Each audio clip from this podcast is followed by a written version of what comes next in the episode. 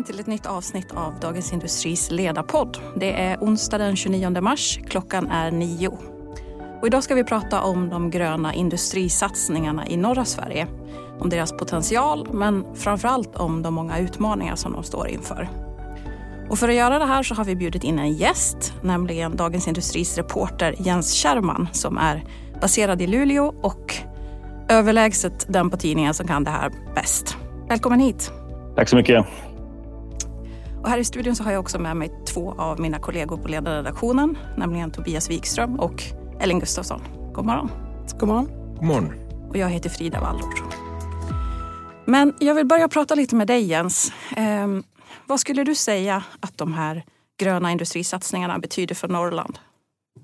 Ja, men tittar vi rent eh, siffermässigt så eh, ligger arbetslösheten i Norrbotten på 4,5 procent och i, i Västerbotten på 4,1 procent. De är de två län som har lägst arbetslöshet i landet. Så redan där ser man ju att det betyder mycket och i Norrbottens fall så har den minskat i 22 månader i rad, då, arbetslösheten. Och, eh, och det här är ändå bara i, i början då kan man ju säga. Även om det händer mycket redan nu så är det mycket av det som ska som har aviserats, som är på gång så att säga. Som inte, så det kommer innebära en stor eh, injektion i, i ekonomin i, i Norrbotten och i Västerbotten eh, som är de två län jag kan bäst. Eh, men också, sen skulle jag nu vilja tillägga också att det, det, jag tror det betyder mycket för eh, jag menar, självtroen, självförtroendet och självbilden i den här delen av landet. Eh, att eh, man, eh, ja, för fem år sedan så fanns det fortfarande liksom en tveksam... När Northvolt presenterade sina planer så var det ändå många som eh, lite luttrade av historien som tänkte att ja, men ska det här verkligen bli någonting? Det, ja, det, vi har, det här har vi hört förut. Eh, nu tror jag nog att den här eh, den känslan börjar försvinna utan det finns ett annat självförtroende, en annan självmedvetenhet om ja, att man på något sätt värderar sin egen betydelse lite, lite högre än vad man kanske har gjort historiskt. Mm. Men eh, det är också en, en annan trend som har varit i, i debatten de senaste åren. Alltså från att de här satsningarna hyllades brett för några år sedan så har ju debatten blivit betydligt mer kritisk idag. Och kritiken handlar ju dels om det verkligen är befogat att de här projekten ska ta sådana enorma mängder el i anspråk. Och då särskilt när det handlar om att flera statliga aktörer är inblandade. Och sen dels huruvida det är rätt att de här projekten ska få så stora statliga stöd. Men, men skulle du säga att den här förändringen märks eh, bland de inblandade bolagen som du träffar? Att det inte är samma eufori längre? Eh, ja, det gör det ju, men kanske mest beroende på att det börjar gå in i skarpt läge. Att nu är man ju tvungen att börja göra saker på riktigt. Menar, man ska bygga, man ska eh, i vissa fall då som pratar hybrid så är fortfarande miljötillståndet inlämnat. Eh, och det är väldigt mycket som ska ske på en gång. Man ska bygga, man ska söka tillstånd tillstånd, man ska se till att det finns eh, kapital och man ska eh, få fram kunder och hålla eh, investerare nöjda i Hot for Greens fall, Hot for Green Steels fall. Då. Så att, det tror jag är den största förändringen, att man går in i en annan fas nu när man måste väga, göra saker på riktigt och man måste klara vissa intressekonflikter. Mm. När det gäller debatten så har det blivit en annan ton, det har du helt rätt i. Där tror jag, eller vet jag, att de här företagen, de stora aktörerna känner väl dels då att de ändå har politiken på sin sida, där att eh, mm. de tycker att eh, regeringen har sagt rätt saker. Eh, och att de, sen finns det hos dem en frustration över att de tycker att, att ja, det är mycket prat om de här 50 terawattimmarna, men, eller 80 terawattimmarna till och med, men det är ju vid 2050 i det här första skedet så handlar det inte om de mängderna och de tycker att det kanske blir det finns en frustration över hur, hur debatten har, har, har vilken, vilken väg den har tagit. Det finns det absolut. Mm. Men just när det gäller eltillgången och elpriserna, skulle du säga att det, är, att det ses som ett stort problem i allmänhet? Eller är det mest här nere som vi, som vi tänker på det? Eh, eh, både och, kan jag säga.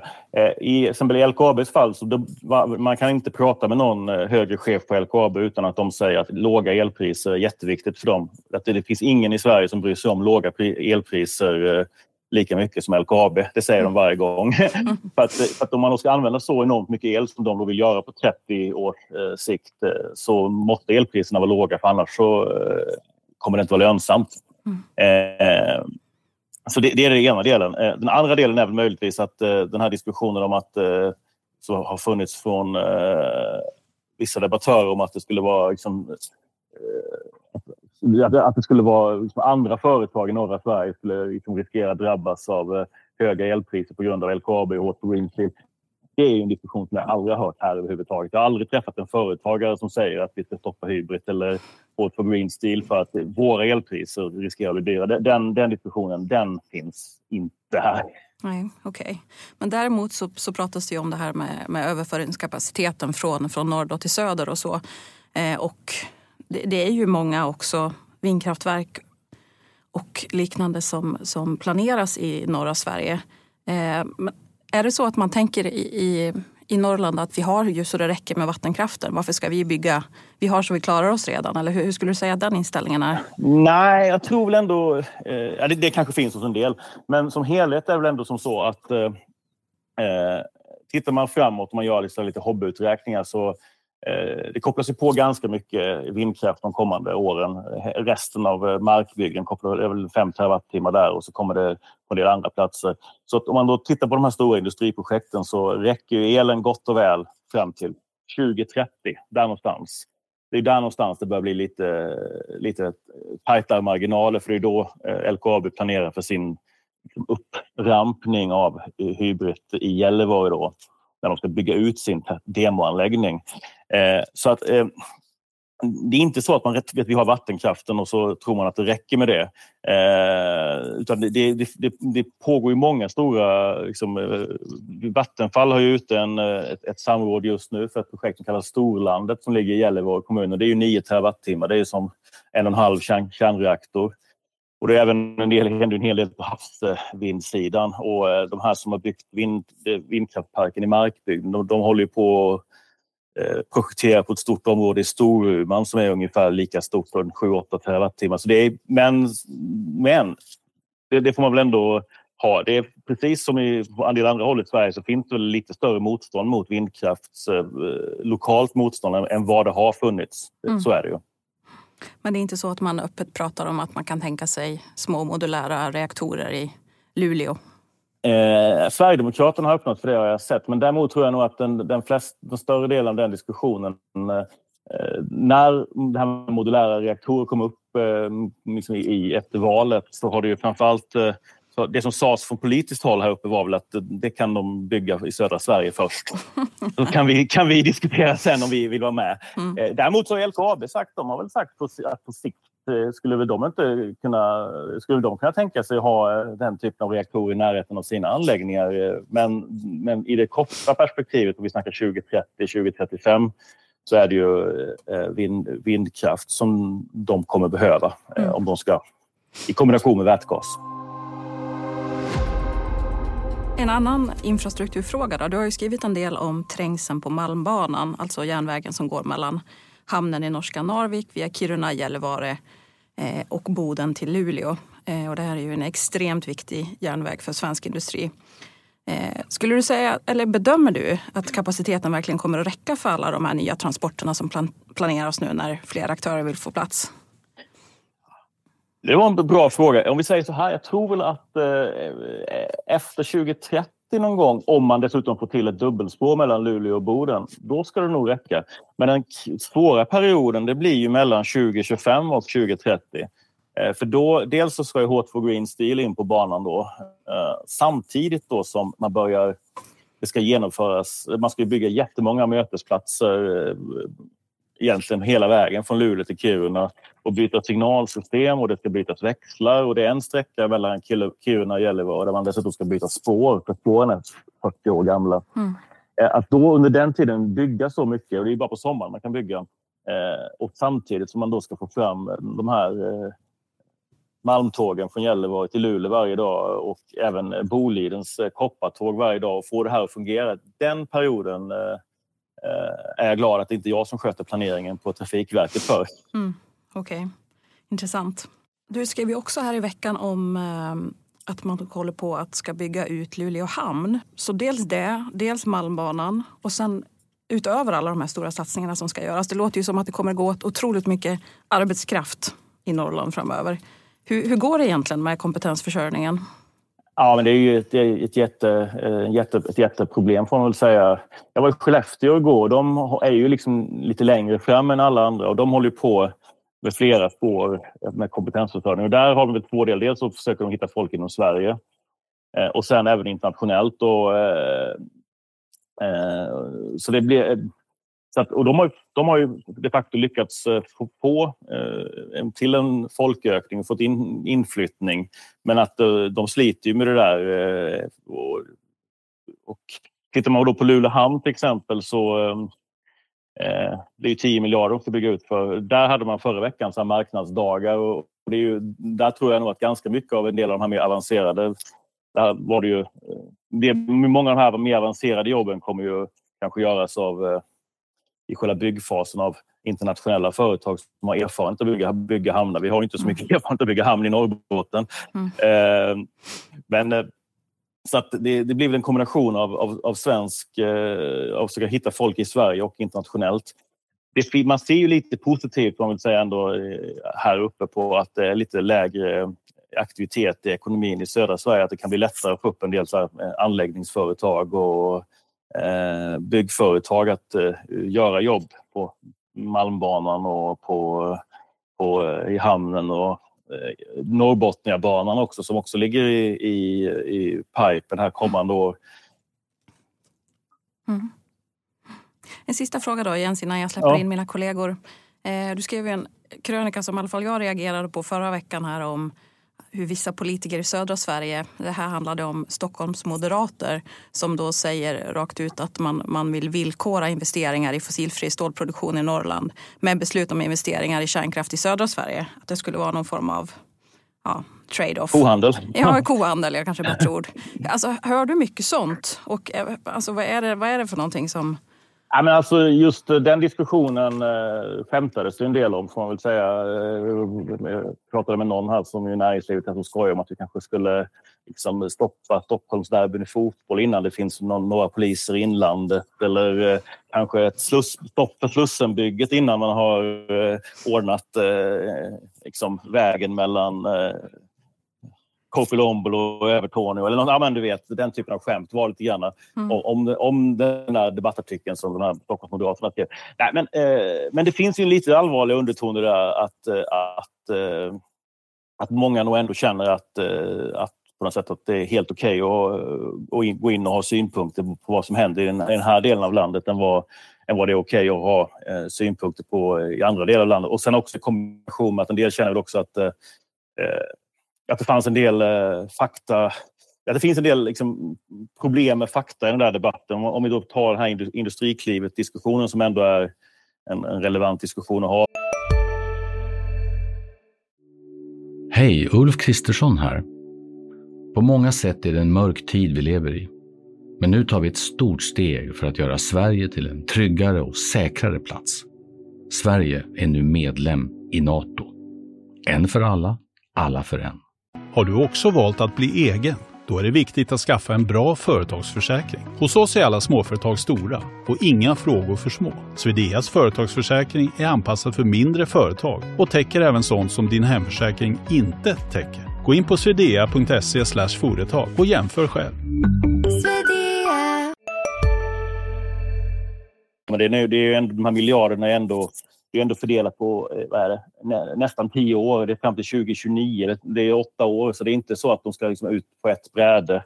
Och där finns det även, som jag vet du kommer ta upp sen, en, en, en internationell eh, trend eller diskussion kring om hur man ska liksom hjälpa den här typen av industrier. Så det finns en kombination av att man mm, tycker att det, mm, varför ska andra blanda sig i, i vad, vad, som händer i den här delen av landet i kombination med att man tycker att en del eh, liksom, fakta faktafel eh, som far i, far i diskussionen. Okej. Okay. Mm, men då släpper vi in Ellen och Tobias i det här samtalet och jag är väldigt nyfiken Ellen på vad du tycker om det här sista ämnet som vi pratade om. Eh, om att villkora statliga pengar till norrländskt fossilfritt stål med kärnkraft i södra Sverige. Eh, alltså är det rimligt? Finns det någon vettighet i att från Stockholmsmoderaterna resonera så här tycker du? Nej, men jag kan ändå förstå eh, hur man resonerar. Och eh, jag tycker det viktiga i det här sammanhanget handlar om att det, att det inte är att man ska ställa Norrland mot södra Sverige och att det inte är tekniken eller satsningarna som sådana som ska kritiseras. För det här är ju fantastiskt allt det som just nu händer i Norrland. Eh, både för samhällena där men också för, för klimatomställningen. Men det finns någonting som skaver här i hur staten har agerat och ett hyckleri. Och det handlar helt enkelt om att staten indirekt eller direkt har lagt ner sex stycken kärnkraftsreaktorer de senaste två decennierna. Eh, fyra av dem har lagts ner de två senaste mandatperioderna och det här har ju då drabbat södra Sverige väldigt, väldigt hårt. Eh, och eh, det handlar ju framförallt om att det är där som den stora andelen elförbrukarna finns medan majoriteten av all el Eh, produceras i, i Norrland. Och med de här industrislukande eller elslukande satsningarna i Norrland så kommer ju att de här, de här obalanserna att bli, bli ännu större. Eh, men rent krasst så är det ju inte om man säger så, företagens problem. Eh, men det är ju någonting som sticker i ögonen när då staten också ger subventioner till de här bolagen Eh, och de dessutom är eh, till stor del statliga verksamheter. Om vi säger Hybrit då, som, som är, eh, ägs av eh, LKAB som är ett helstatligt bolag. Det är Vattenfall som är ett helstatligt bolag. Och sen SSAB där LKAB är största ägaren. Så att å ena sidan så har staten lagt ner massa elproduktion i södra Sverige. Å andra sidan vill man lägga beslag på en väldigt stor andel av Sveriges elproduktion i Norrland. Eh, så att, att det finns det här resonemanget och hur det drabbar södra Sverige, det tycker jag är, är, är rimligt. Om vi går över till kompetensförsörjningen då, eh, Tobias. Vad säger du om, om regeringens roll i det här? Eller är det bara bolagens ansvar att se till att man rekryterar de här personerna som behövs? Eller kan regeringen göra mer för att hjälpa till här? Ja, bolagen kan ju inte tvinga någon att ta jobb hos dem och det, det här är en geografisk fråga tror jag. Att eh, det är svårt att förmå människor att, att flytta eh, till en annan bostadsort helt enkelt. Man kanske har en hel familj och som också ska ha jobb. Eh, och eh, ja, det, det, är en stor sak. Eh, men jag tänker att nu när arbetslösheten förmodligen då kommer att stiga, då är det viktigt att de här eh, funktionerna i eh, arbetslöshetssystemet fungerar. Att man säger att ja, men nu har du förlorat jobbet, men nu vill jag bara berätta för dig att det finns jobb i Skellefteå. Och ska du ha kvar din a-kassa så måste du ta de jobb som finns, även om det innebär en flytt. Eh, jag kan inte reglerna exakt hur de är just nu men det är ju naturligtvis olyckligt att a-kassan behölls på den här högre nivån för det finns ju ett signalvärde i allt här. Eh, och det kommer ju att vara en stor, eh, vad ska vi säga, en tudelad arbetsmarknad i Sverige även geografiskt. Det kommer att accentueras när arbetslösheten tilltar i, i de tättbefolkade bygderna i, i söder så att säga. Och det, och det finns efterfrågan både på högkvalificerad och medelkvalificerad och lågkvalificerad arbetskraft uppe i norr. Så det där är en jätteutmaning. Sen måste du, man måste ju ha någonstans att flytta. Vill man bo i en barack som är tillfälligt byggd eller, eller, eller måste, måste politikerna i de här eh, Norrlandskommunerna se till att liksom på något sätt skapa incitament att bygga ut samhällena på ett mer permanent sätt. Det är ju inte alls säkert att man vill bo i en barack bara för att man eh, flyttar till Skellefteå. Man kanske vill bo i en fin villa och så vidare. Så att det är ju det är stora lokala utmaningar. Sen tänker jag också på det här med arbetskraftsinvandring. Där pågår ju då en politisk process som, som vi på ledarsidan tycker är lite olycklig. Där man vill skilja ut helt och hållet den högkvalificerade arbetskraften från den lågkvalificerade genom att införa ett sånt här lönegolv eller lönetak. Någotdera, beroende på hur man ser det. Och då innebär det ju att de servicefunktioner som också behövs till exempel i Gällivare, ja då kan man ju inte ta in folk från tredje land, från utomeuropeisk arbetskraft dit. Det kommer ju att behövas folk som jobbar i kantinerna, det behöver folk som jobbar med, med eh, alla möjliga servicefunktioner, det kommer behövas folk i skolor och så vidare.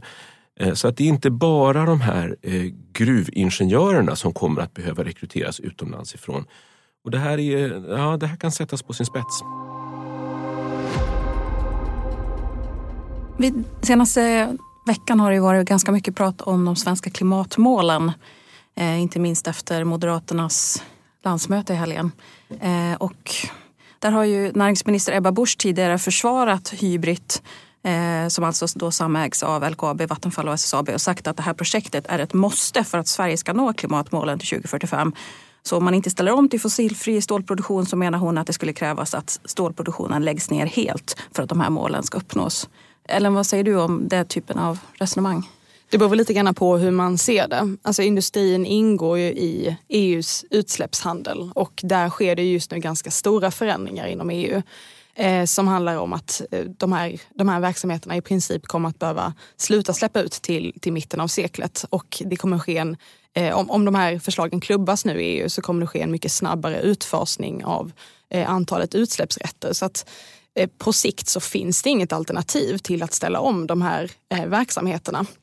Eh, men om man ska vara rent krass då så är det ju liksom, det är inte bara Hybrid som jobbar med att ta fram fossilfritt stål utan det är ju jättemånga olika företag som vill göra det just nu för att man inte ser något alternativ.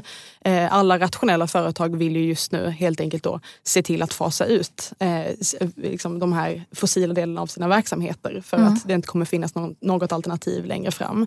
Så att i grund och botten så landar man ju då i vad ska statens roll vara i den här typen av satsningar eftersom att Hybrid också är som mm. sagt en, en till stor del ett statligt projekt. För det som också har skapat en debatt i det här uttalandet som Ebba Busch gjorde är ju också att det har tolkats lite grann som en hint till Energimyndigheten som är de som, som administrerar det här industriklivet att Hybrid borde få de här 4,9 miljarderna av, av Industriklivets pengar som bolaget har ansökt om som Jens pratade här om innan. Eh, och huruvida det då är lämpligt för en minister att, att prata på det sättet. Men, men när det gäller själva Eh, sakfrågan då Tobias. Eh, tycker du att det, det är värt ytterligare 5 miljarder av skattebetalarnas pengar att, att de här bolagen ska få det här projektet att fungera? Ja, men det är långt ifrån oproblematiskt. Eh, vi har ju i historien eh, haft många eh, industriprojekt som har finansierats av statsmakterna och som har, trots att de var lovande, så har det inte fungerat så att säga. Det allra bästa måste ju vara om de här företagen kan stå på egna ben, eh, få in sitt kapital eh, på, på den öppna marknaden med externa investerare. LKAB är ju visserligen redan statligt men nog kan man säkert bilda olika konsortier eh, där, man kan, där man kan attrahera eh, privatkapital till detta också. Eh, staten har ju ändå en väldigt stor roll som ägare till LKAB. Som ju, eh, LKAB kommer ju så att säga aldrig att gå i konkurs därför att de ägs av, de ägs av skattebetalarna. Så att de har ju redan en, en stor eh, vad ska vi säga, position att, att kunna eh, göra stora satsningar eftersom de har statliga ägare som dessutom kan, kan också laborera med vilket avkastningskrav man ska ha på på LKAB och så vidare. Så att staten har ju många sätt att på helt andra sätt också stödja det här. Att sen skicka fräscha miljarder rakt in i detta, ja det, det är inte helt givet. Sen är det ju då, på tal om det här med Ebba Busch, det är ju lite märkligt att så stora pengar egentligen då hanteras av en myndighet. Nu, men nu har vi ju bestämt att det ska vara på det sättet. Men det här är ju så pass stora pengar så att i vilket land som helst så tror jag att det här skulle ha varit ett regeringsbeslut. Men det är också, måste jag säga, som, som Jens säger, att det har inte riktigt framgått att det här ska betalas ut under en ganska lång tid. Utan det framgår ju lite grann som att här, fem miljarder, gör vad ni vill med pengarna. Så det kanske också det, är ju också så att det, så har det alltid varit i när, när olika politiska projekt ska marknadsföras. Politiker i Sverige älskar att slå ihop saker på tio år och säga vi satsar på detta och detta. Så att det här kan man ju se på olika sätt. Det här var ju förmodligen att att när Industriklivet lanserades så, så ville man slå ihop ett antal år för att säga att det här är mycket pengar. Eh, men man kan också se det som, som Jens gav uttryck för, att det här då är under lång tid och mm. därför är det inte så märkvärdigt trots allt. Tiden går väldigt snabbt här eh, så att vi måste ta den sista frågan.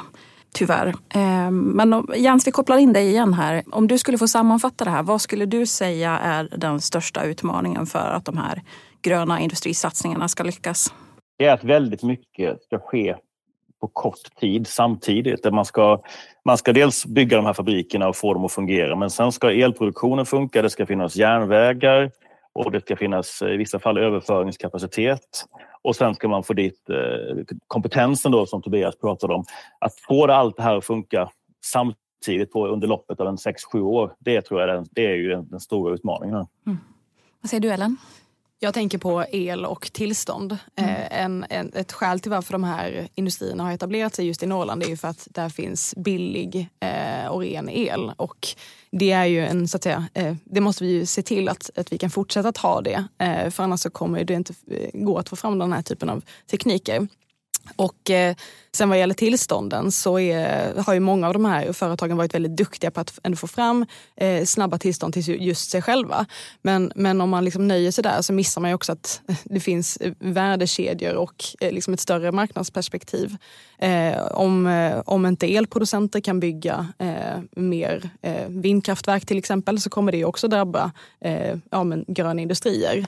Eh, eller om vi inte kan få fram snabbare tillstånd för att bygga elnät så kommer det också i slutändan att drabba detta. Så en, en bredare förenkling av tillstånden. Mm. Vad säger du Tobias? Jag tror att tiden är, är kanske den stora utmaningen. Det handlar inte bara om att det tar tid att kanske få tillstånd som det har diskuterats här.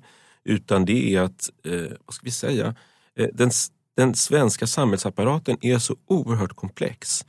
Eh, och när man då ska bygga Eh, ledningsgator, nya järnvägar, eh, få folk att flytta och så vidare. Det är så oerhört många aktörer inblandade. Det är så oerhört många budgetpotter.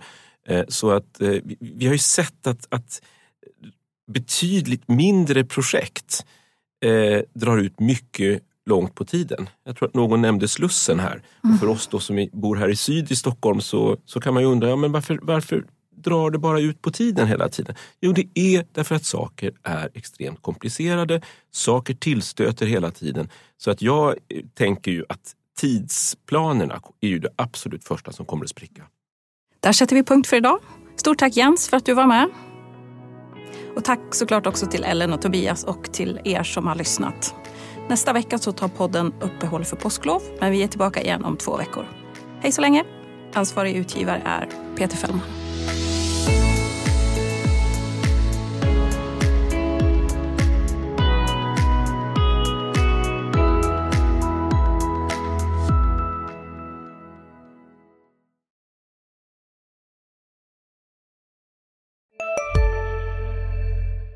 Där det finns ett samhälle, där finns det brott. Krimrummet är podden som tar brottsligheten på allvar. Jag bjuder in landets ledande experter och tar upp aktuella rättegångsfall för att begripliggöra den kriminalitet som kryper allt närmare. Du, alltså, du kan knäcka ett eller några gäng, men det kommer komma nya och så kan vi knäcka dem sen. Men att du ska knäcka allt forever, det kommer aldrig ske. Det är infinite gain. Lyssna på Krimrummet, en podd från Expressen med mig Kim Malmgren. Hej, Synoptik här. Hos oss får du hjälp med att ta hand om din ögonhälsa. Med vår synundersökning kan vi upptäcka både synförändringar och tecken på vanliga ögonsjukdomar. Boka tid på synoptik.se.